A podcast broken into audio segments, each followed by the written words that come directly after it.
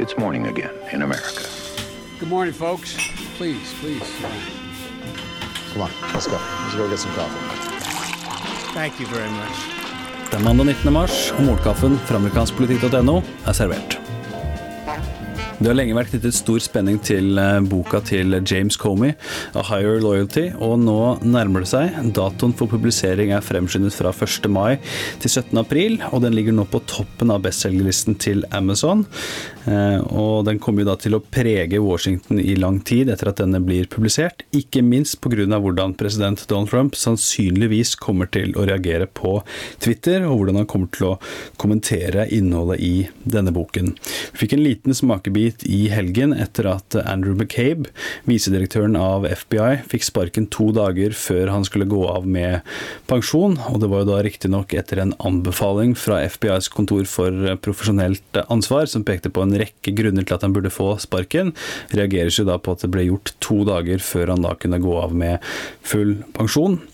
Uansett, eh, denne saken fikk jo da Trump til å tvitre om Russland-etterforskningen og McCabe og Comey og Mueller, og han sa jo da annet at uh, Comey da har løyet uh, under ed, og han sa at han hadde fått McCabe til å se ut som en korgutt, han kalte ham skinnhellig. Comey svarte på, på Twitter, noe vi sikkert kommer til å få litt kommer til å se mer av senere i vår, med å si at amerikanske folk snart får høre hans historie, eh, da i denne nevnte boken.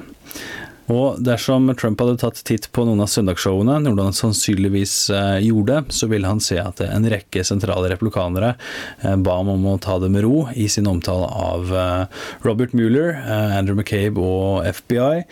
Lindsey Graham, replikaner fra South Carolina, sa at eneste grunn til at Mueller kan få sparken, er sak og fakta, og at foreløpig så er det ingenting å gå etter, og at han må få lov til å fortsette å gjøre jobben sin. Jeff Lake, Trump-kritiker fra Arizona, sa at det vil være en rød linje eh, som krysses dersom Trump går etter eh, Mueller, eh, og håper da at eh, flere folk kommer til å si klart ifra dersom det kommer flere signaler fra Hvite hus at noe slikt er på gang. Og Marco Rubio, republikaneren fra Florida, sa at man ikke skal male med en såpass bred pensel i sine angrep som det Trump her eh, gjør. Eh, og så er det da mm, Sam Rubio som også kom med noen uttalelser om sparkingen av McCabe, og at han ikke likte hvordan det ble gjort, og at han burde fått eh, fortsatt i jobben sin i to dager til. Eh, det hvite hus skjønte utover dagen at all denne dekningen og grunnet tvitringen fra Trump ikke var helt eh, bra, så de kom da med en offisiell uttalelse fra Ty Cobb, eh, advokaten i Det hvite hus, eh, som eh, jobber med den etterforskningen, eh, og sa at all spekulasjon om at presidenten tenker på eller vurderer eller diskuterer å sparke spesialetterforsker Mueller, ikke stemmer i det hele tatt. Eh, Lindsey Graham sa jo det at dersom Trump skulle gjøre noe slikt, så vil det være starten på slutten av hans tid som president. Trump besøker i dag eh, New Hampshire for første gang siden han vant delstaten i 2016. Eh, den første delstaten han vant eh, da. Han skal diskutere denne epidemien som har preget delstaten i lang tid, denne opioid-epidemien. Jeff Lake har allerede besøkt delstaten. Kasich skal gjøre det snart. Spørsmålet om Trump kommer til å få en utfordrer i 2020 er jo et spørsmål som, som fortsetter, særlig når man da ser tilbake i historiebøkene på på hva det har fått å si for en sittende president, med Buchanan mot Bush i 92, Kennedy mot Carter i 80 og Reagan mot Ford i 76. Sittende presidenter som tapte gjenvalg. Dagens utgave av Morgenkaffen er servert av Kim Kvale og undertegnede Are Togflaten.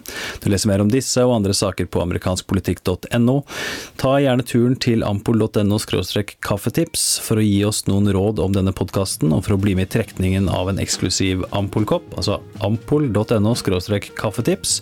Det tar deg ett minutt, og vi setter stor pris på om du tar deg tiden til det, og så snakkes vi i morgen.